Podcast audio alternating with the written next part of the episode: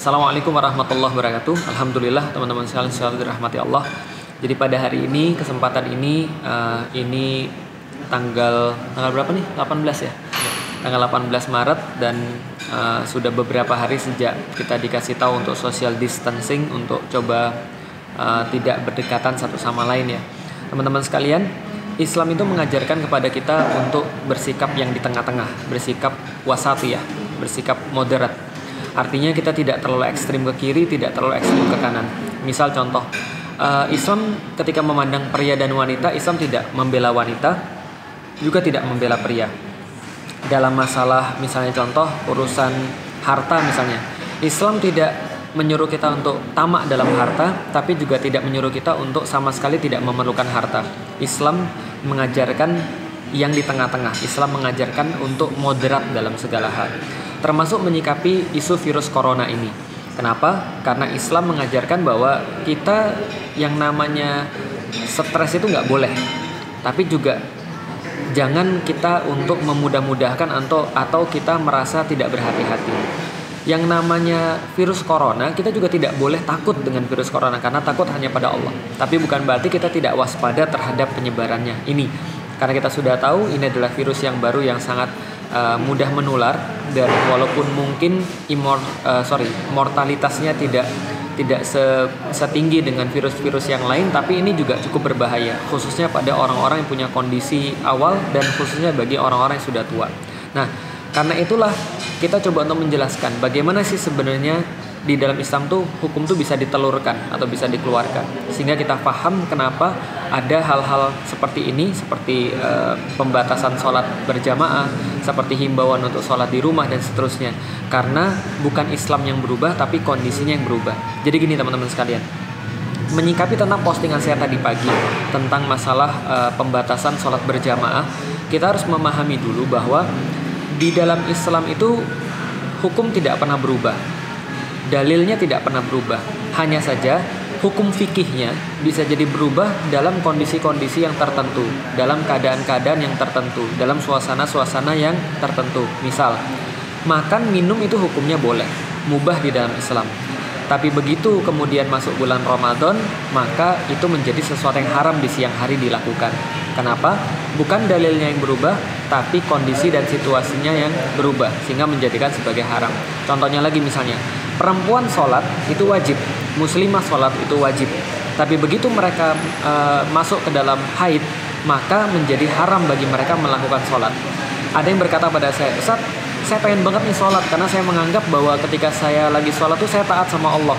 Nah sekarang saya nggak bisa nggak bisa taat sama Allah karena lagi haid. Gimana caranya saat saya bilang ya justru kamu harus merasa bahwa ketika kamu nggak sholat itu adalah bentuk daripada ketaatan pada Allah.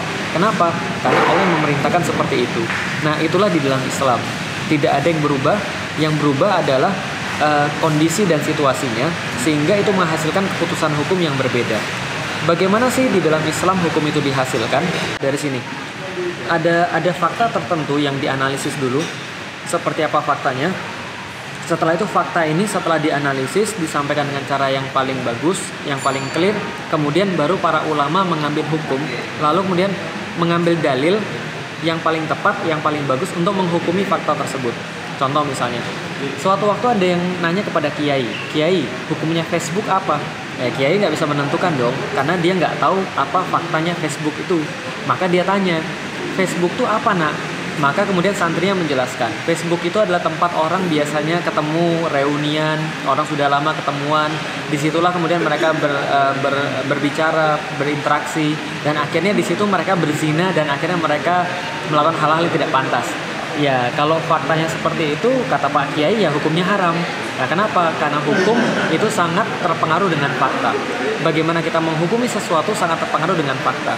Sama seperti tadi, berbicara tentang corona, maka faktanya ini harus haruslah berasal daripada orang paling ahli tentang corona. Contoh misalnya, fakta tentang corona adalah virus ini menyebar lewat droplets, lewat apa namanya interaksi-interaksi dan lewat butiran-butiran air yang keluar daripada penderita itu. Dan fakta yang lain, orang-orang yang terkena corona itu bisa jadi ketika dia sudah terinfeksi tapi tidak menampakkan gejala, nggak menampakkan gejala pilot, nggak menampakkan gejala bersin, tapi ketika dia ngomong dia bisa jadi untuk menularkan kepada orang lain. Fakta yang lain apa? Karena ini bentuknya sudah wabah bahkan sudah masuk pada epidemi bahkan masuk pada pandemi maka ini paling tinggi. Maka ketika ini sudah menjadi uh, sebuah keadaan yang paling tinggi paling uh, paling super harus diadakan pengawasan-pengawasan harus diadakan tindakan-tindakan yang juga lebih daripada biasanya. Nah karena itulah muncul rekomendasi bahwa tempat-tempat yang menjadi tempat berkumpulnya orang lebih baik tidak berkumpul libur 14 hari harusnya di rumah supaya memutus mata rantai penyebaran karena ibarat api dan sekam di mana tempat berkumpulnya sekam, di situ bisa muncul api. Maka sekamnya harus dipisah-pisah supaya apinya tidak muncul. Logikanya seperti itu. Dari situlah muncul fakta ini, kemudian diberikan pada para ulama. Para ulama mengeluarkan fatwa untuk sholat lebih baik di rumah untuk menjauhi kemudian tempat-tempat berkerumun termasuk jamaah sholat. Di situ hukumnya menjadi berbeda. Maka ketika hukumnya menjadi berbeda, orang sholat di masjid menjadi sesuatu yang bisa jadi makruh. Apalagi kalau seandainya dia menularkan yang lain atau dia penderita, maka bisa jadi menjadi haram. Kenapa?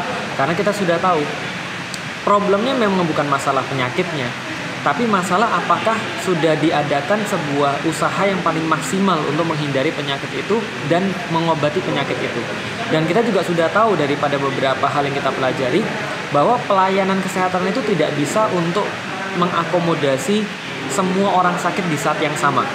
Sehingga kalau seandainya ini jumlahnya membludak karena wabah corona ini, orang-orang harus masuk rumah sakit dalam jumlah yang besar, ini rumah sakit nggak bisa untuk afford.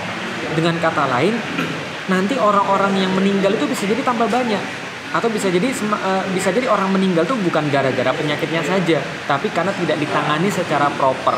Itu yang dihindari orang-orang yang sakit dalam jumlah yang banyak dalam waktu yang bersamaan. Karena itulah harus dihindari segala macam yang bisa membuat orang-orang itu sakit secara bersamaan atau minimal mengurangi uh, infeksi-infeksi dari satu orang ke orang yang lain. Dan itu sangat membantu uh, para tenaga kesehatan. Nah, itu maksudnya. Kenapa muncul uh, hukum yang seperti tadi?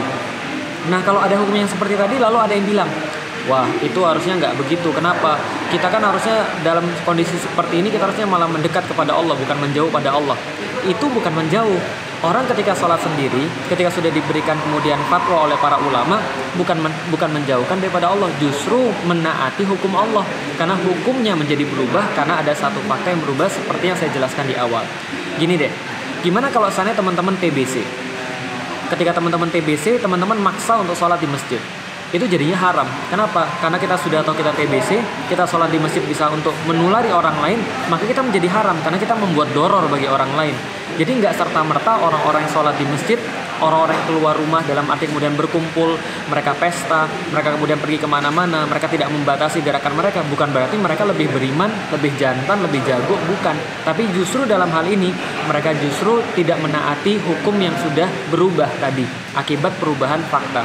Artinya, balik lagi, sholat berjamaah itu istimewa, keren, sunnah dalam kondisi normal. Tapi dalam kondisi-kondisi tertentu, Islam itu sangat fleksibel dan Islam memberikan keputusan hukum yang sesuai dengan keadaan pada zaman itu yang intinya masih berdasarkan dalil juga. Di dalam Islam dulu, Rasul katakan jangan masuk ke tempat wabah. Yang sudah di dalam jangan keluar, di lockdown misalnya. Atau sama seperti pembahasan takdir ketika Abu Ubaidah al-Jarrah bilang kepada Umar bin Khattab, Kok kamu jadi penakut sih Umar? Kok kamu nggak percaya takdir sih Umar? Kan kalau misalnya sudah takdirmu mati ya kamu nggak masuk wilayah wabah pun kamu tetap mati. Tapi kalau misalnya takdirmu belum mati kamu masuk wilayah wabah kamu juga nggak akan mati. Kalau belum takdirmu daripada Allah kamu harus mati. Umar berkata wahai Abu Ubaidah saya berharap bahwa pertanyaan kayak gini bukan datang daripada kamu yang mungkin menurut Umar yang harusnya sudah ngerti.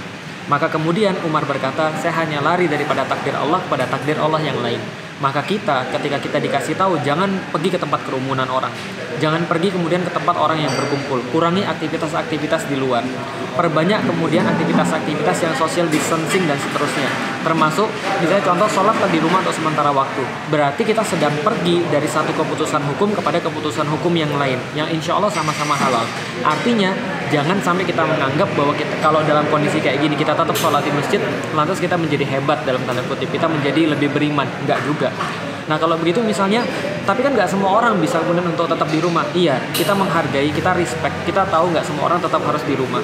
Yang bisa silahkan. Yang nggak bisa ya mau apa? Tenaga kesehatan orang-orang memang harus pergi keluar dan segala macamnya. Tapi kalau tetap kita bisa kita usahakan kita tetap untuk social distancing nggak kemudian uh, pergi ke mana pun dan kita menghindari untuk tempat-tempat terkumpulan dan kita coba untuk membantu tenaga kesehatan dengan memutus mata rantai penyebaran uh, corona ini jadi itu yang bisa kita sampaikan teman-teman sekalian. Mudah-mudahan ini menjadi satu hal yang bermanfaat sangat bagus untuk menjaga semangat kita untuk beribadah dan itu juga bisa kita lakukan uh, di rumah insya Allah atau di tempat-tempat yang lebih sepi. Kayak kita sekarang coba untuk kajian online mudah-mudahan ini bisa mengurangi hal-hal yang tidak uh, bermanfaat atau hal-hal yang berbahaya. Dan kita berdoa pada Allah mudah-mudahan Allah segera uh, hilangkan kondisi ini dalam diri kita di dalam negeri negeri kita di dunia supaya kita bisa balik lagi untuk kajian bareng sharing bareng dan bertatap muka satu sama lain dan tentunya sholat berjamaah bareng. Jadi gitu ya. Dan terakhir ini nggak saya buat untuk menentang pendapat siapa pun. Ini nggak saya buat untuk membenturkan pendapat saya dengan pendapat yang lain kalau ada pendapat yang lain dengan dalil yang lain silahkan. Dengan yang beda agama aja kita juga legowo. Apalagi cuma berbeda pendapat dengan yang muslim. Kalau saya secara pribadi saya memilih untuk menaati atau untuk menuruti apa pun yang telah difatwakan oleh para ulama tentang social distancing itu karena ini adalah bukan permasalahan tentang iman tapi permasalahan tentang ikhtiar. Rasulullah yakin dia pasti menang ketika dalam perang cuma beliau masih memakai baju zirah yang berlapis. Untuk apa? Untuk menunjukkan pada kita perkara iman itu perkara yang satu, perkara ikhtiar itu perkara yang lain. Perkara kita yakin akan dijaga Allah, perkara kita lebih takut kepada Allah, perkara kita meyakini ajal itu datangnya daripada Allah, perkara kita sabar ketika terkena musibah, itu adalah perkara yang satu. Tapi berikhtiar, waspada untuk hal-hal yang uh, berbahaya, menaati perintah para ulama, menaati orang-orang yang lebih ahli dalam halnya, uh, itu adalah sesuatu yang bersifat ikhtiar dan Allah meminta kita untuk memaksimalkannya. Demikian, Assalamualaikum warahmatullahi wabarakatuh.